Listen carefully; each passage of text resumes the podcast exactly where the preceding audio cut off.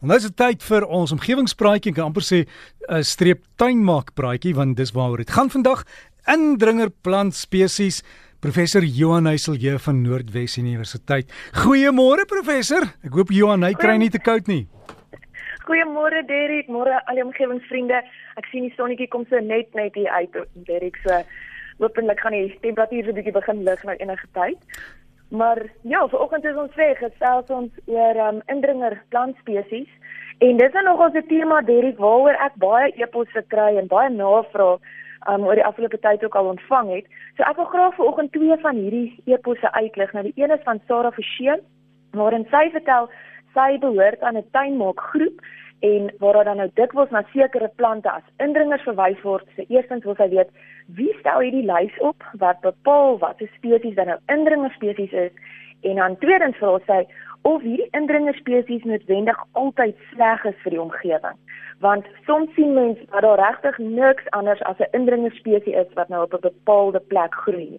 En sy gee dan self die voorbeeld van die vinka wat die enigste plant is wat in hierdie droë gebied daar naby hulle groei Ehm um, so sy vra, is dit dan nou nie beter vir die omgewing dat daar ten minste iets groei as waar daar dan nou niks kan of wil groei nie. En dan die epos van Josef de Beer van Maamsbury sluit dan ook hierby aan waarin hy skryf hoe die bloekombome in die Kaapse platteland uitgekap word omdat hierdie bome wat dan nou ook 'n indringerspesie is baie grondwater gebruik en 'n plaas daar in sy omgewing wat eens vol bloekombome was lyk nou soos wat hy beskryf as 'n maanlandskap omdat hierdie indringerspesies so op groot skaal verwyder word.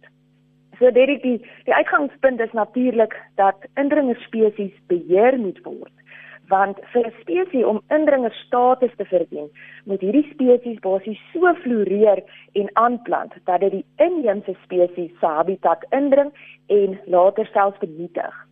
So dis hoekom die biodiversiteitswetgewing toe afgekondig is om hierdie indringerspesies te beheer. En binne in hierdie biodiversiteitswetgewing is daar dan nou 'n lys van plante en bome wat as indringer spesies verklaar is en ons verwys na dit as die NEMBA lys. En hierdie volledige lys kan afgelaai word van die Suid-Afrikaanse Biodiversiteit Instituut um, op hulle webwerf www.sanbi.org. En um, ek dink wat belangrik is om te onthou hier Derek is dat die biodiversiteitswetgewing hierdie indringer spesies in vier kategorieë verdeel. So die eerste kategorie 1A is indringer spesies wat onmiddellik vernietig moet word. Dan is daar 'n 1B kategorie en dit indringerplante wat beheer moet word. Dan is daar 'n kategorie 2 en dit is indringerplante waarvoor 'n permit benodig word. En dan kategorie 3 is indringerplante wat nie noodwendig uitgekap hoef te word nie, maar wat ook nie meer aangeplant mag word nie. So dit is nie sodat alle indringer spesies dadelik uitgekap of vernietig moet word nie. En wat verder belangrik is, is dat hierdie indringer spesies nie net nadelig vir ons omgewing is nie. Um in baie gevalle selfs voordelig vir ons omgewing, omdat hulle ook belangrike ekosisteemdienste verskaf aan die omgewing. So my kollega hier by stedelike ekologie, professor Sarah Solheim, hy verwys gereeld na hierdie voordele van indringer spesies en dit as die rede waarom ons soms ook uit 'n ekologiese oogpunt hierdie indringer spesies moet aanvaar. Nou die die voordele of die ekosisteemdienste val ook in vier kategorieë. So die eerste is die voorsieningsdienste. Nou dit is voedsel of geneesmiddels wat afkomstig is van plante en bome. Tweedens is dit reguleringsdienste. Dit is nou wanneer plante en bome en ekosisteme help met die beperking van vloedskade of um die voorkoming van erosie of plaagbeheer en ook iets soos bestuiving. En die derde kategorie is dan nou ondersteunende dienste soos um waar bome en plante help met die regulering van die stedelike klimaat.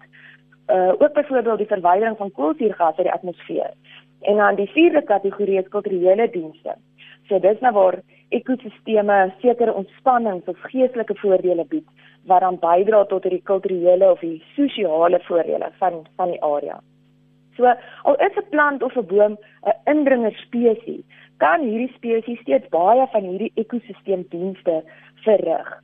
So daarom as ons oor indringer spesies praat, dan verwys ons gewoonlik na die verdraagsaamheid beginsel.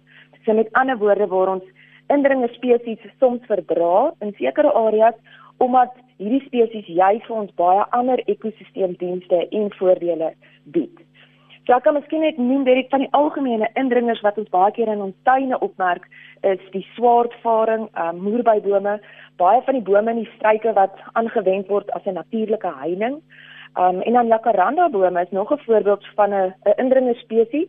Um dit is geklassifiseer as 'n kategorie 1B indringer spesies, maar wat weer verskeie ekosisteemdienste verskaf vir al wat ons nou dink aan Pretoria en in terme van daai kulturele dienste waar hierdie indringer spesies gekoppel is aan die karakter van die stad. So ook hoekom ons dit dit dan nou die jacaranda stad noem. En dan bloekombome, soos ons gesê het, is ook 'n indringer spesies, maar wat verskeie voordele in ekosisteemdienste vir ons bied.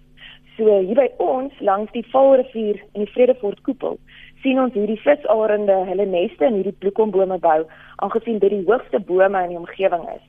En bloekombome in die Noordwes is dan nou ook die gunsteling oornagplek vir die oostelike rooipoot valkies. Nou hulle vlieg so wat 22000 km ver vanaf Siberië in China af hier na ons toe en in die somermaande sien mens dikwels teen son onder um, hoe duisende van hierdie valkies op die bome toesak vir hulle veilige nagrus. So dit is vir ons sprekend van die voordele wat hierdie bloekombome as indringer spesies dan nou ook vir ons bied. So ek dink die boodskap is baie alhoewel ons hierdie indringer spesies moet beheer om ons inheemse spesies te beskerm, moet ons ook maar altyd hierdie verdraagsaamheid beginsel onthou waar ons die indringer spesies verdra en dan hierdie indringers geleidelik verminder en geleidelik vervang met inheemse spesies wat dan die ekosisteemdienste kan oorneem.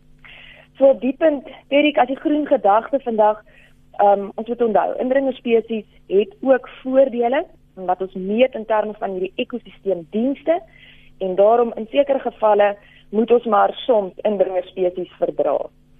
En Jonna, ek wil net gou seker maak jy het gepraat van die lys van die indringer spesies. Is dit die een op die Sanbi Biodiversity uh lys op hulle webtuiste? Dit is hy, Dirk, ek gaan dit sommer nou op ons um Facebook bladsy ook deel. Ek sien hy's hy's opgedateer met foto's om maklik die spesies te kan uitken. So dis nogal 'n uh, handige blad om te gaan besoek. En dis iemand sê in Wise of Alien Flora and Fauna. Daar is die volledige lys, Derek. Ek gaan um, ek gaan hom nou met julle deel, die nuutste ene wat ek by my ook het. Asseblief dan sal ek dit sommer op die die bladsy plaas van Breakfast, die Facebook bladsy en kan jy dit daar ook kry. En as jy enige navrae het, weet, hulle is welkom om vir jou te e-pos, né? Nee? Ja, asseblief Derek, ek doen my bes om almal se e-posse so vinnig as moontlik te antwoord en om vrae te gaan help soek. As ek ken nie noodwendig al die antwoorde nie, maar ons help soek en ons probeer al die oplossings vind om ons omgewing 'n beter plek te maak. So gesels ons saam met professor Johan Heiselje van Noordwes Universiteit, omgewingspraatjies by gmail.com. Dis die e-posadres omgewingspraatjies by gmail.com. Hulle is ook baie aktief op hulle Facebook bladsy. Jy kan daar gaan soek onder Facebook vriende as omgewingspraatjies. Aansluit en kry al die inligting